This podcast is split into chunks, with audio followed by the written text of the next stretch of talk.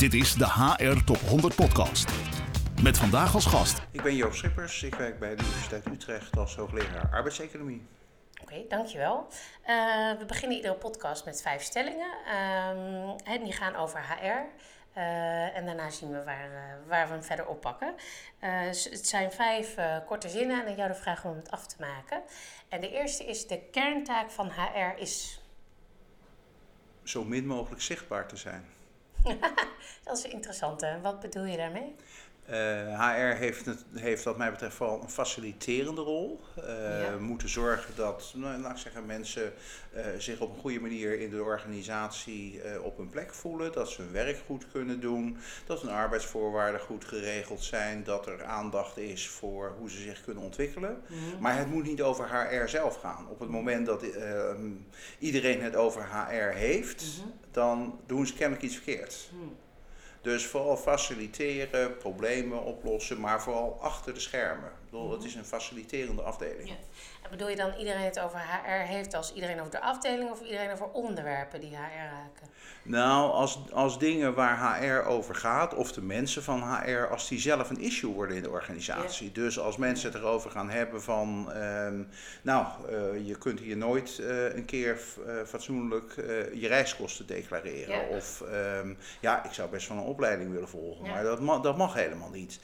Nou, laat ik zeggen, dat soort dingen, dat moet. Ook al gaat HR niet over, want het kan best zijn dat bij die opleidingsplekken, dat het de direct leidinggevende is die een uh, sta in de weg vormt. Ja. Maar dan is HR nog degene die het zou moeten signaleren en zou moeten proberen op te lossen. Ja, oké, okay. helder. En ik, uh, een beetje dat die basis op orde hoor ik, hè? dat hoor ik heel veel uh, mm. mensen zeggen. Maar ik hoor ook veel mensen zeggen, ja, dat is eigenlijk het begin. En daarna begint het pas, want de HR zou ook een strategische partner moeten zijn en mee moeten denken over de toekomst. Hoe, hoe zie jij dat? Uiteraard is het voor elke organisatie van heel veel belang dat ze niet alleen nu de goede mensen hebben, uh, en dat hebben lang niet alle organisaties natuurlijk, mm. maar dat ze dat ook in de toekomst hebben uh, en houden. En daarom moet, en ook weer wat mij betreft achter de schermen, HR ook kijken van, goh, wie.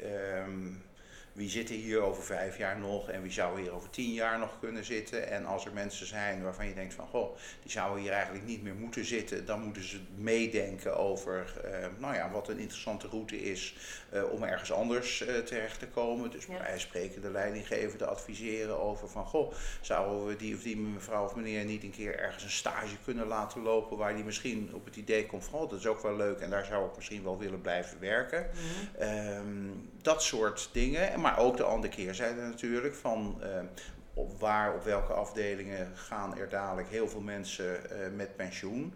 En zitten we met de noodzaak vervangers te vinden. Of ja. als we ze niet vinden, zitten we dan met een gat. Ja. En uh, kunnen we nu bij wijze van spreken al kijken of we mensen kunnen opleiden uh, om die vacatures die dan over een jaar of twee jaar komen ja. te vervullen. Ja, ja oké, okay, helder.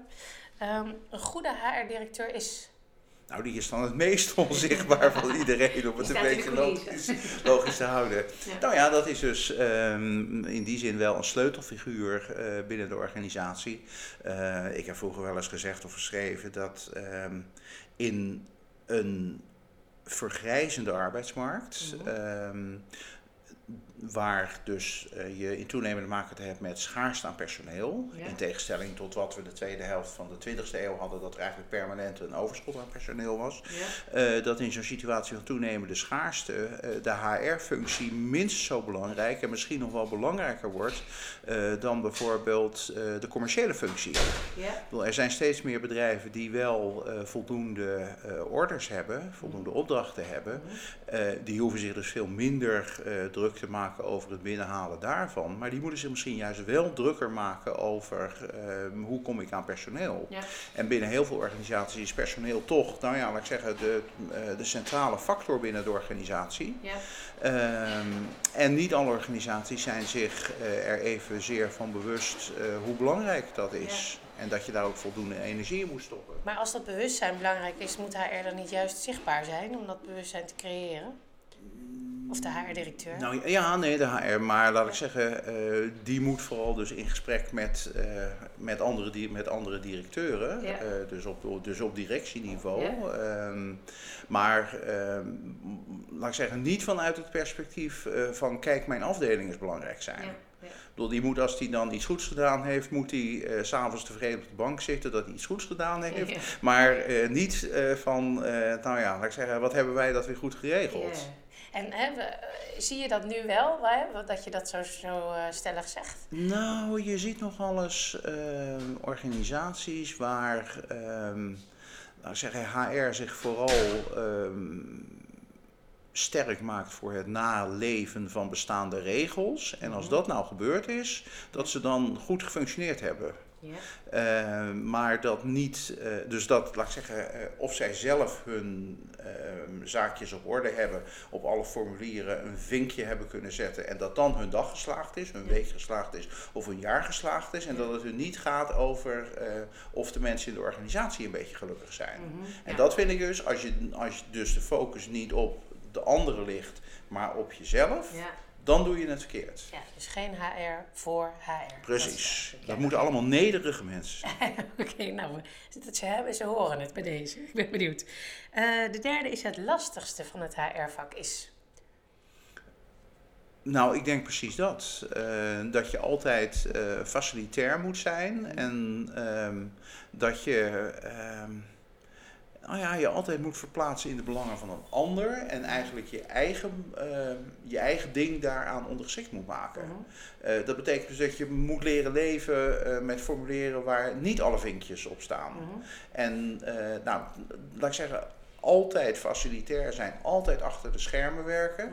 -huh dat is best, dat is best ingewikkeld. Mm -hmm. Dat zie je bij wijze van spreken in de sport ook. Uh, dat, uh, nou ja, ik zeggen, de sporters uh, die de prestaties geleverd hebben, die worden geïnterviewd. Die komen op de televisie, in de krant, die winnen medailles enzovoorts. Ja. Maar bij wijze van spreken, degene die, nou ja, moet zorgen dat het materieel op orde is. bedoel, in een wielerploeg, degene die na de wedstrijd alle fietsen schoonspuit en zorgt dat, nou ja, de renners de volgende dag weer zonder problemen uh, kunnen opstappen. Ja.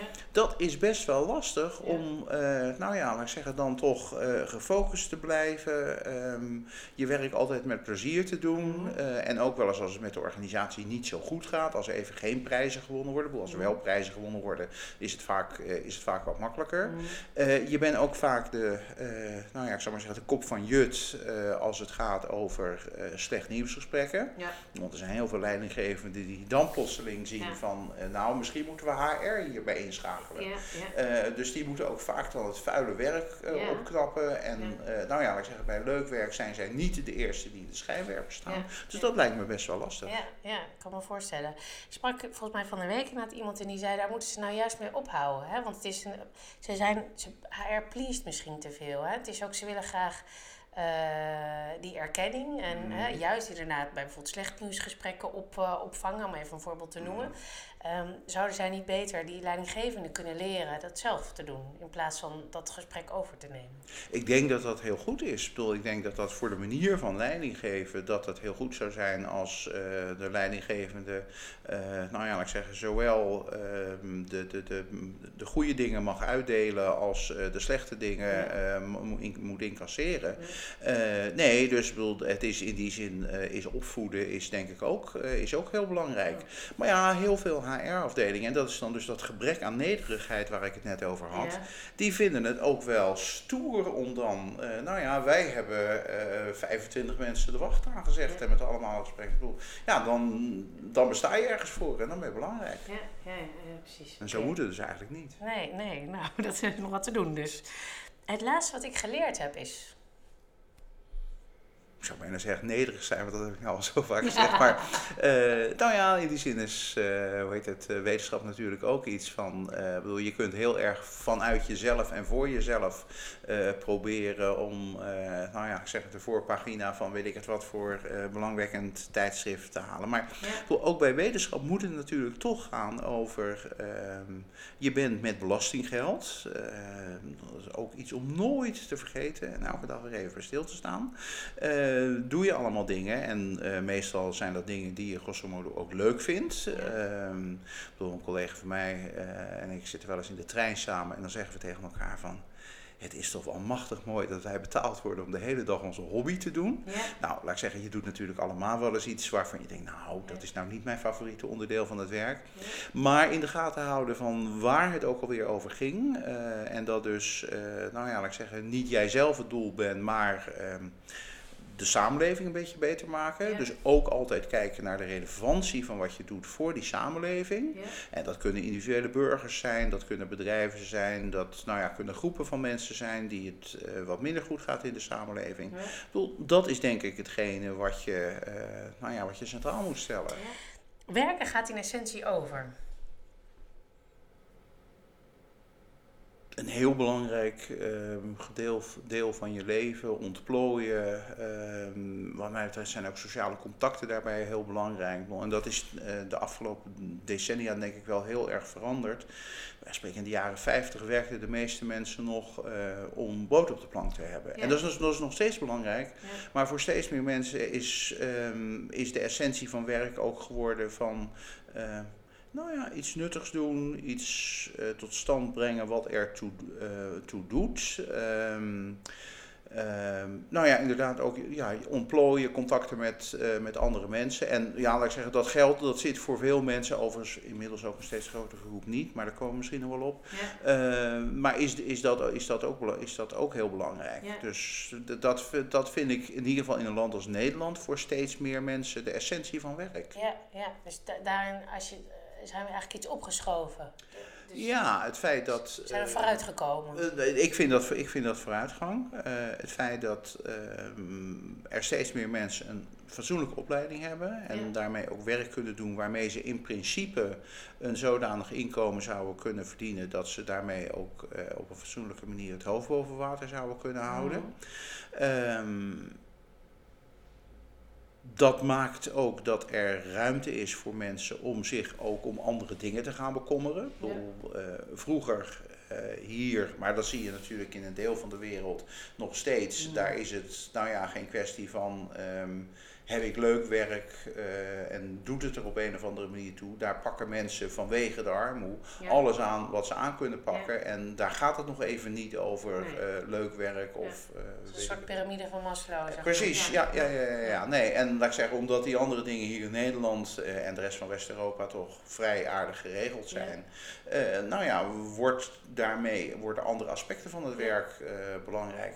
Waarbij, ehm, nou ja, ook het ook makkelijk is voor mensen om te vergeten dat eh, natuurlijk ook dat aspect, aspect van die beloning dat dat belangrijk is. Dat geldt zowel voor individuele mensen zelf, in termen van, nou ja, laat ik zeggen, hoe dankbaar tussen aanhalingstekens eh, ze voor hun werk zijn. Maar ook wel voor beleidsmakers eh, die er ook op moeten letten van, ja, maar wat, zijn nou de, wat is nou de essentie van werk voor mensen? En op welke punten scoort het werk wat die mensen hebben nou wel goed en op welke punten blijft dat achter? Ja, ja.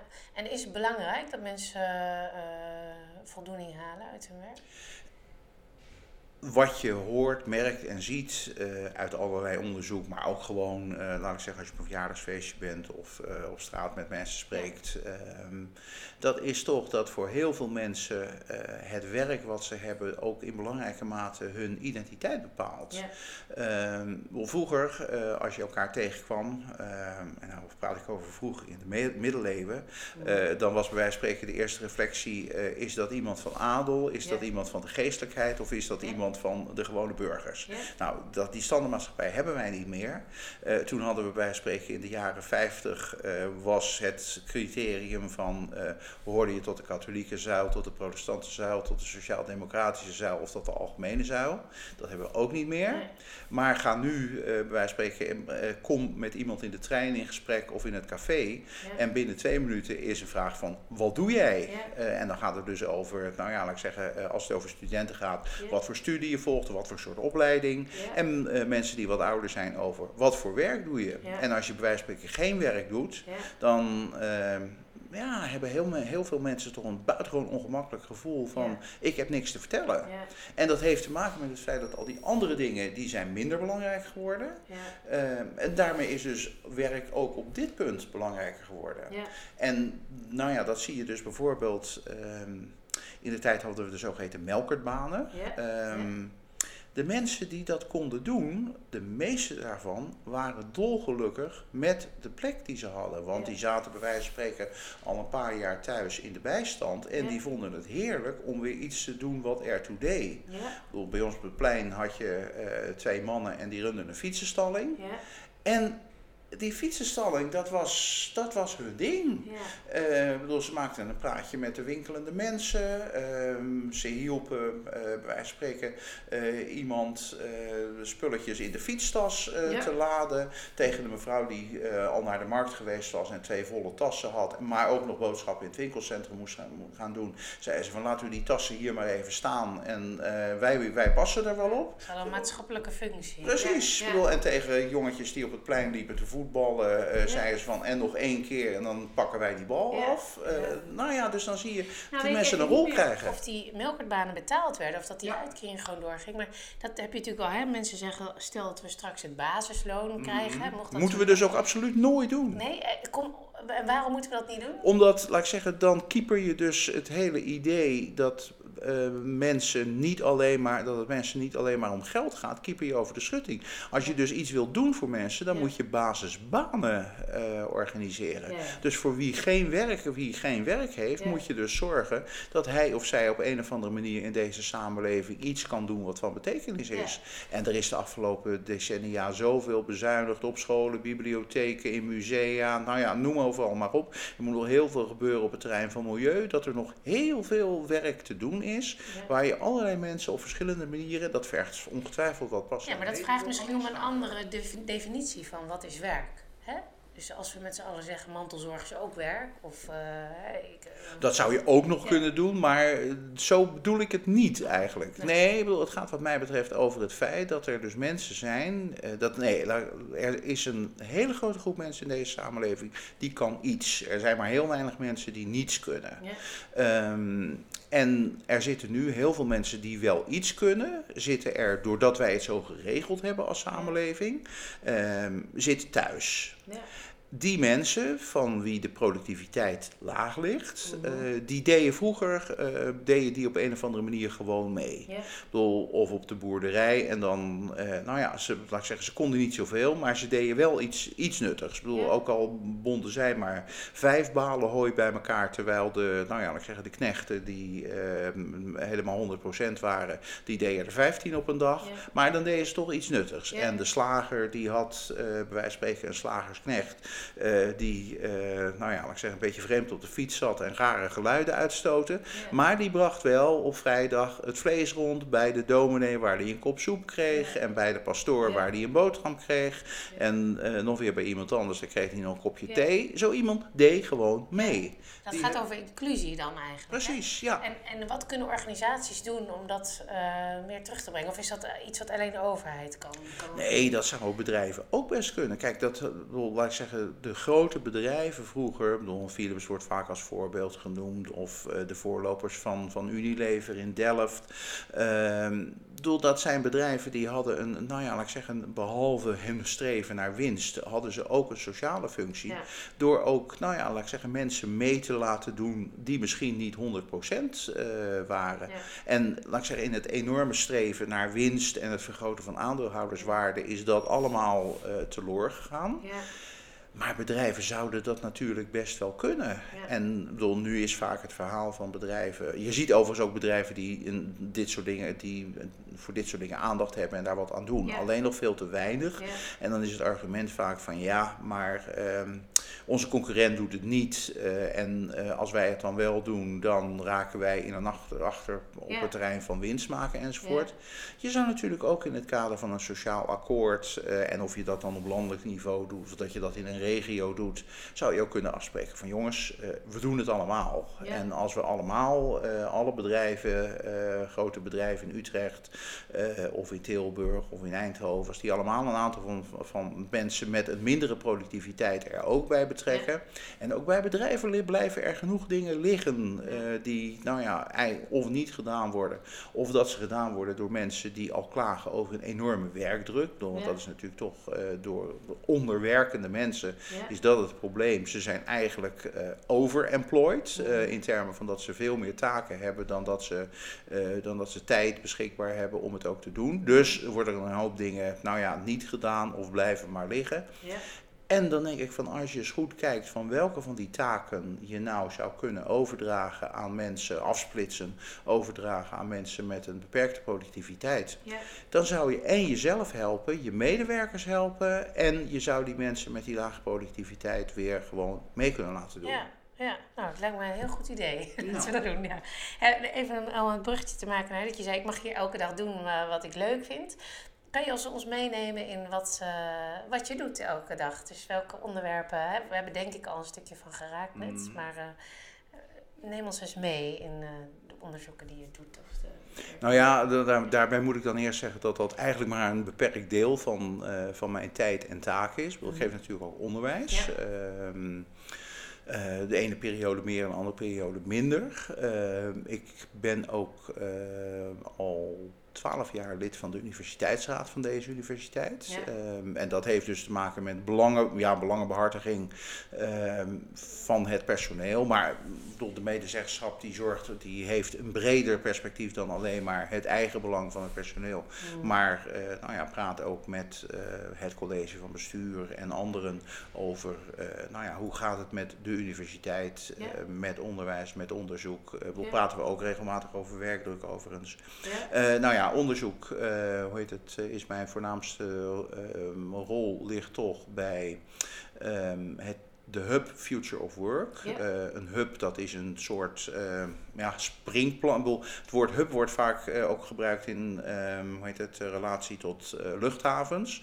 en nou ja, ik zeggen, dat is dan een plek waar mensen overstappen, bij wijze van spreken, van een intercontinentale vlucht naar een lokale vlucht. Ja. bij de hub, zoals bij Future of Work, gaat het meer over um, wetenschappelijke kennis die van de onderzoekers komt en via de hub wordt doorgezet naar mensen die in de praktijk uh, doende zijn of die beleidsmatig, uh, in dit geval dus met, uh, met werk bezig zijn. Ja, ja. En, en wat voor kennis kan je ons daar iets over zeggen? Wat, wat jullie Nou ja, dat gaat over.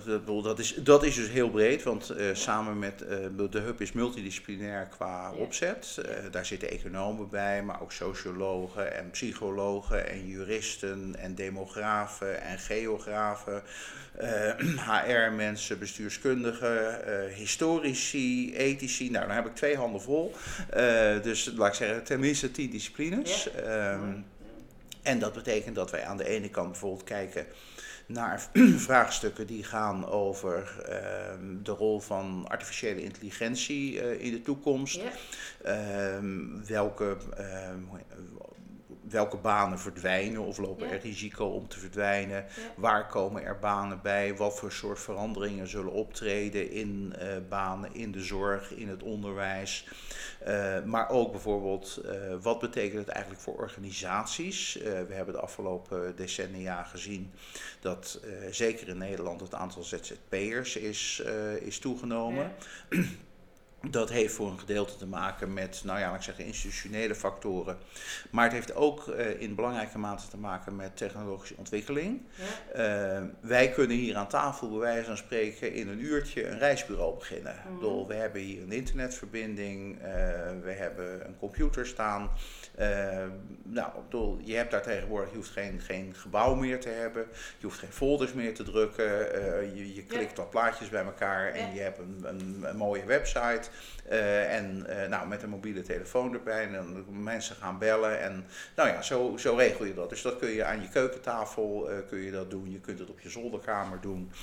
Um, en dat maakt dus de, de afhankelijkheid van de productiefactor arbeid, van, van de productiefactor kapitaal, steeds kleiner. Mhm. Kijk, in je eentje eh, of met drie mensen een hoogovensbedrijf starten, dat is nog steeds heel ingewikkeld, Ja. want daar komt heel veel, er is heel veel kapitaal voor nodig. Ja.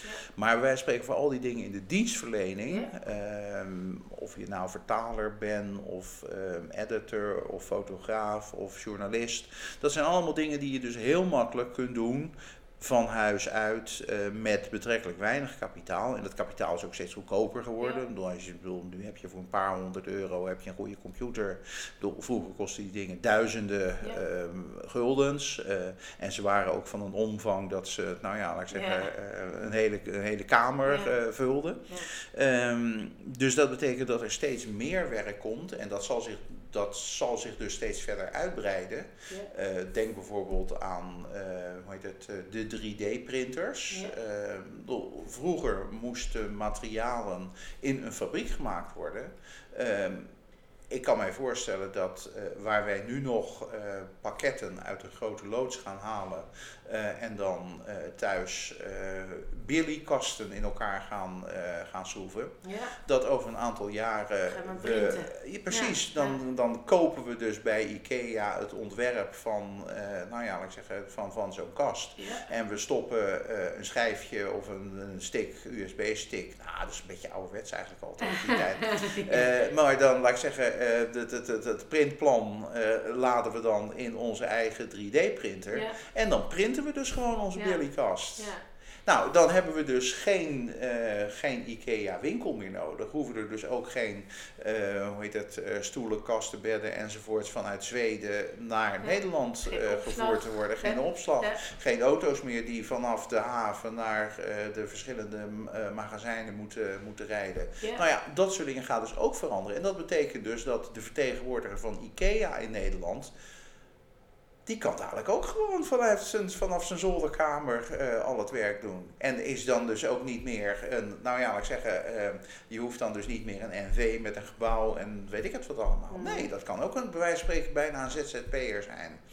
En dan ga je dus zien dat er voor steeds meer taken eh, mensen misschien wel samen gaan werken. En soms dus met z'n drieën en soms dus met z'n tienen. En bij andere grote projecten misschien, van spreken als je festival moet organiseren, eh, met z'n honderden. Maar dat is dan tijdelijk en niet meer dat je met z'n allen samen in één groot, eh, in één groot gebouw, kantoor of weet ik het wat aan het werk bent. om de zaak voor elkaar te krijgen. En wat betekent dat voor de, voor- de werkende mens, zeg maar, of voor de, voor de arbeidsmarkt? Als- als Nou ja, dat is inderdaad, eh, hoe heet het, eh, mensen ehm, aan de ene kant eh, meer, op, meer vrijheid hebben om te doen waar ze zelf zin in hebben. Want je kunt het bij wijze van spreken ook een maand niet doen Ja. als je de maand daarvoor veel verdiend hebt. Ja, terwijl dat als je in loondienst bent, nou ja, toch vaak nog wat ingewikkelder. Daar Ja. zit vaak veel meer regelmaat in. Ehm, maar het betekent ook dat eh, je meer op jezelf aangewezen bent eh, in termen van dat je het zelf moet regelen. Eh, ik had in het kader van eh, hoe heet het, een ander project waar ik dit voorjaar bezig, mee bezig was, een gesprek met een groep mensen die waren eh, net afgestudeerd in de journalistiek, of een paar moesten er geloof ik nog afstuderen. En maar een enkeling daarvan was in loondienst en de anderen die waren dus allemaal op een of andere manier zelfstandigen. ja, En die zeiden dus van ja, het valt ons eigenlijk vies tegen hoe weinig we voorbereid zijn op een zelfstandig bestaan. ja, In termen van, ja, bedoel, het begint al met inschrijving bij de Kamer van Koophandel en een BTW-nummer. ehm, maar ook het idee van, ja, hoe, hoe prijs je jezelf eigenlijk aan? Ja. Eh, wat schrijf je over jezelf eh, op een website? Nou ja, dan moet je dus weten hoe je een website kan, Ja. kan maken. Nou, het vergt dus allemaal nieuwe vaardigheden. Ook onderhandelen over de prijs. Van ja, wil je een klus voor ons doen? Ehm, ja, maar wat moet ik daar dan voor rekenen? Ja, ja. Nou ja, bedoel, op een gegeven moment als je een beetje een netwerk opbouwt en er wat ervaring, dan zijn er wel mensen aan met wie je daar eens kan overleggen. ja. Maar als je bij een bedrijf werkt, dan is dat georganiseerd, geïnstitutionaliseerd. ja.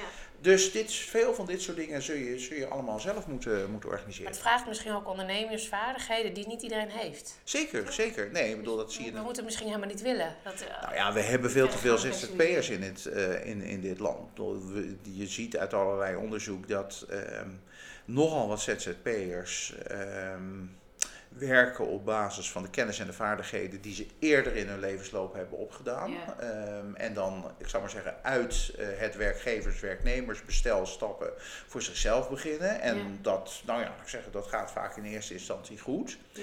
En dan hebben ze tien jaar gedaan. En ehm, ja, dan hebben ze ondertussen te weinig aan hun eigen kennis en vaardigheden Ja. gewerkt. En ehm, zie je dat eh, nou ja, hun productiviteit toch terug gaat lopen. En dat ze sowieso eh, niet erg zijn van de, van de vernieuwing. Ja. Sommigen natuurlijk wel, bedoel, dat, ook in die zin is, is de Ja. variatie binnen die groep eh, heel groot. Maar waar bij wijze van spreken bij een, een bedrijf in, in, in de traditionele zin, daar wordt op een gegeven moment eh, nou ja, een lading nieuwe computers of nieuwe computerprogramma's eh, binnengereden. Of er gaat met nieuwe materialen en machines gewerkt worden. En dan moet je bij wijze van spreken vanzelf je wel die nieuwe kennis eigen maken. Ja. Ehm, en dat hoef je als ZZP'er niet per se. Ik bedoel, je kunt ook heel lang op je oude dingen blijven Ja. leunen. En dan zie je natuurlijk toch dat er ook zoiets, eh, als het gaat over opdrachtverlening, bestaat als, ehm, ja, laat ik zeggen, eh, opdrachtgevers raken nadat ze bij wijze van spreken drie keer dezelfde eh, voorzitter hebben ingehuurd om een congres voor te zitten. Zeggen ze, niet omdat hij het zo iemand slecht gedaan heeft, maar we willen nou wel weer eens iemand anders. En dat betekent dus dat je daarmee ook, eh, nou ja, vaak als ZZP'er, de continuïteit in je Ja. activiteit. Je moet elke keer weer opnieuw marketen, nieuwe klanten verzamelen Ja. enzovoorts. Eh, en wat kunnen organisaties doen om die eh, flexibele schil te beschermen of te helpen? Hè? Als je het eerder had over inclusie, eh, hè, dus zou je eigenlijk die groep ook eh, moeten blijven, zou je moeten blijven doorontwikkelen? Hebben organisaties daar ook een taak? Of hoe zouden we daarmee om moeten gaan? Dat we straks niet met een heel leger aan ZZP'ers met verouderde kennis eh, zitten. Nou ja, we hebben sowieso een probleem dat ehm, het hele eh, idee van eh, onderhoud van kennis en vaardigheden ehm, is heel erg gebaand bij langdurige arbeidsrelaties. Ja. Eh, want als iemand maar een jaar bij jou werkt, ja, waarom zou je hem of haar dan naar ehm, een, deel van de tijd ehm, een cursus laten volgen bijvoorbeeld? Eh, of naar een dure training eh, sturen. En omgekeerd, Ja. als je als werknemer ergens werkt en je denkt, ja, maar ik ga toch ben, wordt er over een half jaar er weer uitgegooid, want dan is mijn contract afgelopen. Waarom zou je dan gaan inspannen om nu iets te leren waarvan je weet dat het vooral je huidige baas eh, van pas zou komen, Ja. maar waarvan je geen idee hebt of dat als je ergens anders gaat werken weer van pas zou komen. Eh, dat betekent dus dat de hele beweging richting flexibilisering, inclusief dus een steeds groter deel van de beroepsbevolking wat als ZZP'er werkt, Ja. eh, dat dat eigenlijk ehm, het idee van een leven lang leren en aanvulling van kennis en vaardigheden enorm in de wielen rijdt. Ja. En daarom denk ik dat er eh, nou ja, ik zeggen, eigenlijk een nieuw systeem zou moeten komen van ehm, hoe je die investeringen faciliteert. Ja. Ehm, ik heb elders wel eens gepleit voor ehm, een, een soort eh, pact, eh, sociaal akkoord of hoe je het ook zou Ja. willen noemen, eh, tussen de overheid, ehm, werkgevers en werknemers. Ja. Alle drie hebben ze er belang bij Ja. dat die kennis en vaardigheden van de beroepsbevolking als geheel op peil is. Maar niemand ehm, zit in een positie dat hij of zij als partij daar het initiatief voor zal willen nemen. Nou, dat betekent dat je dus een probleem hebt van collectieve actie. En het enige manier om dat op te lossen is om afspraken te maken. Ja. Als je bij wijze van spreken zou kiezen voor een, eh een drie-pijler-model, zoals we dat ook kennen bij de pensioenen, waarvan je zegt van iedereen die eh, hoe heet het, eh, geboren wordt, daar maken we als het ware een soort, openen we een soort rekening. Ja. Daar komt een bedrag op te staan en sommigen gaan van dat bedrag heel lang naar school en studeren.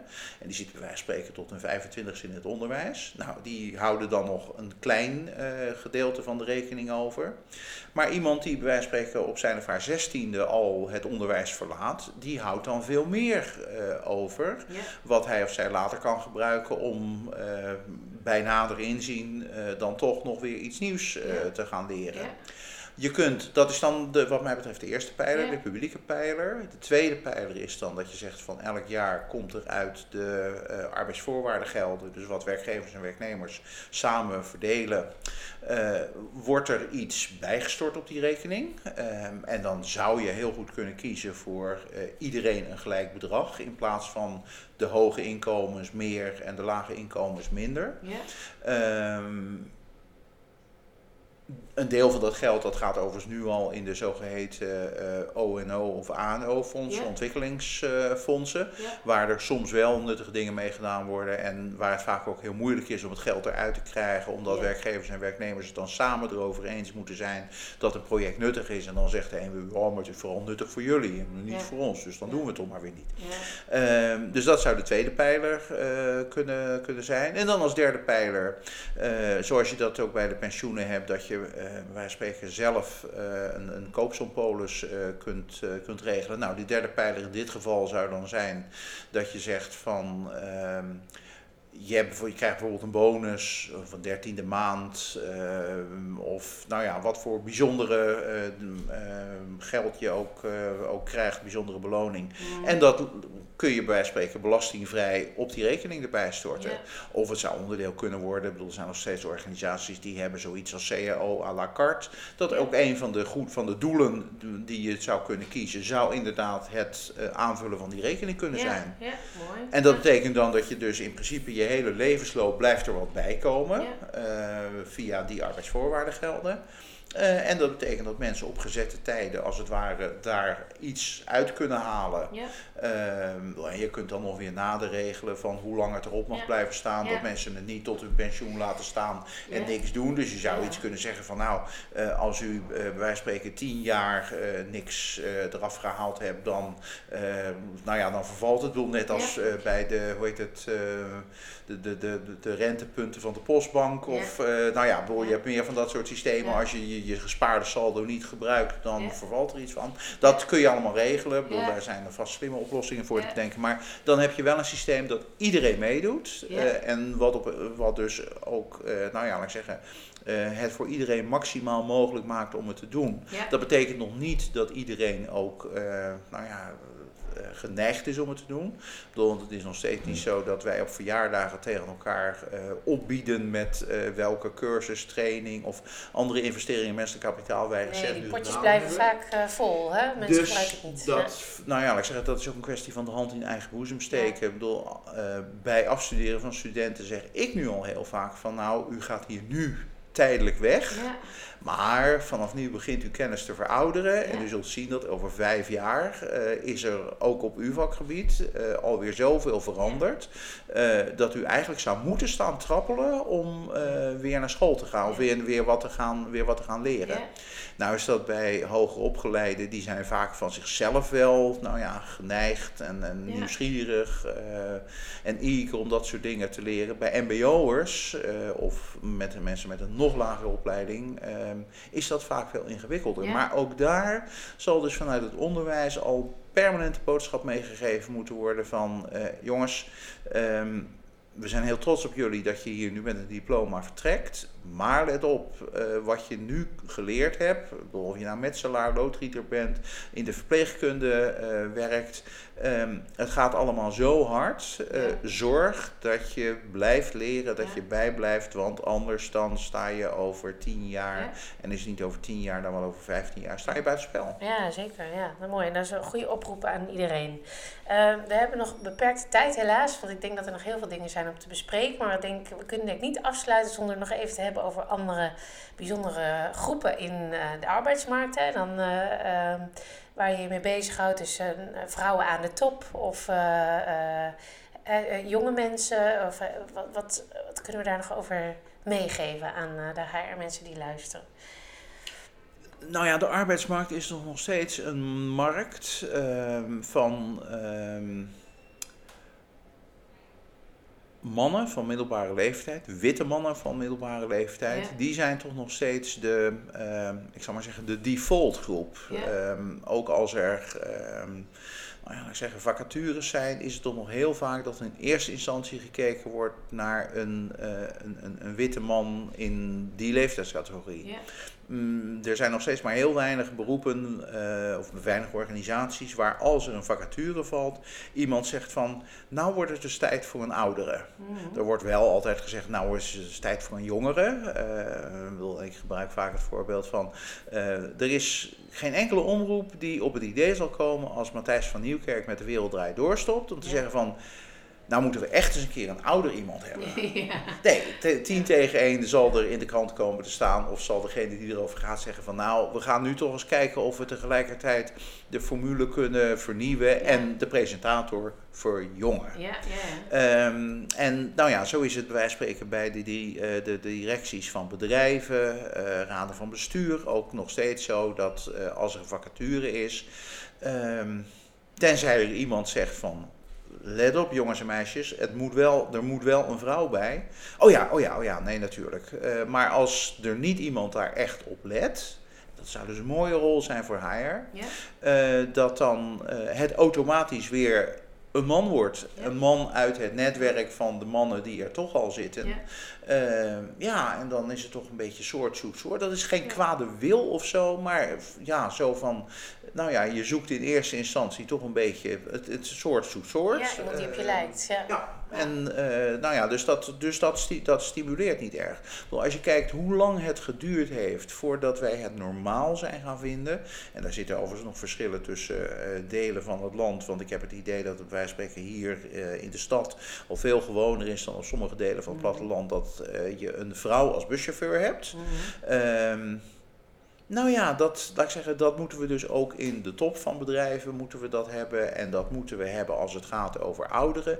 En in die zin is de arbeidsmarkt dus eigenlijk een ja, een, ik zou maar zeggen, een tamelijk traditionele markt. Mhm. Mensen doen dingen zoals ze ze altijd al gedaan hebben. Dat is op zich ook rationeel vanuit economisch oogpunt, want dat bespaart op wat we transactiekosten uh, noemen. Ik bedoel, waarom zou je allerlei experimenten gaan doen uh, als je weet uh, dat het goed gaat met de via. Ja, precies. Dat, um, maar omdat die markt zo aan het veranderen is, omdat er bij wijze van spreken steeds meer mensen uh, met een migratieachtergrond komen, waar ook heel veel talent zit, doe je jezelf dus als organisatie kort als je alleen maar in die traditionele groep blijft kijken. En dus inderdaad niet kijkt van, goh, hebben we onder uh, migranten niet ook een interessante kandidaat? Of zijn er onder vrouwen ook niet hele geschikte talenten? of onder ouderen? En wat is er nodig om dat te stimuleren? Zeg maar, helpen quota? Of wat, wat, wat heeft HR voor instrumenten om dat te bevorderen? Nou ja, eh, voor uh, vrouwen aan de top uh, ben ik, en ik ben daar niet de enige in. Uh, denk bijvoorbeeld aan iemand als, als Nelly Kroes, die ook aanvankelijk een enorm opposant was van, van quota.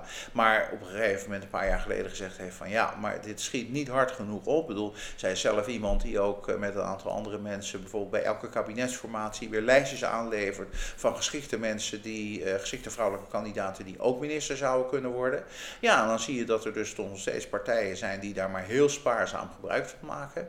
Dat geldt voor, uh, voor, voor topvrouwen in het bedrijfsleven. En dan denk ik van nou, uh, er zijn nu allerlei dingen geprobeerd. Ja. We hebben inmiddels al jaren een wet uh, die 30% voor mannen en vrouwen, voor elk voor mannen en 30% voor vrouwen als streefcijfer heeft in raden van bestuur en raden van commissarissen. we hebben de verplichting voor bedrijven om als ze daar niet aan voldoen om dat uit te leggen. En bedrijven doen het gewoon niet. Um, we hebben meer wetten in Nederland, uh, maar uh, als bij wijze van spreken bedrijven uh, niet aan de BTW-verplichting voldoen, dan. dan nou krijgen ze meteen de belastingdiensten op Precies. Ja, hier dus moet strenger dus worden nageleefd. Ja, hier hebben we dus een regel waarvan je zegt van nou, de regel is compel, voldoe of explain, leg uit. bedrijven hebben nu, ik geloof dat die wet van, 19, van 8, 2013 is. En bedrijven voldoen daar massaal nog steeds niet aan. Uh, twee derde heeft geen enkele vrouw in de raad van, van bestuur. Ehm, ja, dan denk ik, dan is nu langzamerhand wel de tijd gekomen om dan wel op zo'n punt met een quotum te komen. En dat kun je dan bij wijze van spreken voor vijf jaar instellen. Ja. en kijken of het, of het inderdaad als bedrijven er dan wel aan voldoen, kun je het ook weer, uh, die, die, die wet weer, ja. weer intrekken. En je ziet dat in landen waar het gebeurd is, dat het werkt. Okay. bedoel, dus in die zin, het, is een, het is een paardenmiddel. Bedoel, dat zegt ook eigenlijk iedereen. Er, er zijn ook weinig mensen in Nederland die zeggen van nou, oh wat fijn dat we dat nu eens kunnen doen. Maar het is dus wel, het is dus wel nodig. Ja. Oké, helder. Nou, duidelijk. Dat, we kunnen denk ik nog heel veel bespreken, maar helaas zijn we door de tijd heen. Maar misschien goed om even te zeggen dat jullie zelf ook starten hè, met een podcastreeks. dus, uh, dat klopt, ze, ja. Als ze meer willen weten, dan waar, waar moeten ze dan... binnenkort te vinden op de website van de Hub Future of Work van de Universiteit Utrecht. Ja, nou hartstikke leuk, want daar, hè, als dit smaakt naar meer, dan, dan kunnen mensen daar, daar terecht. En voor nu heel erg bedankt voor Graag gedaan. van je visie.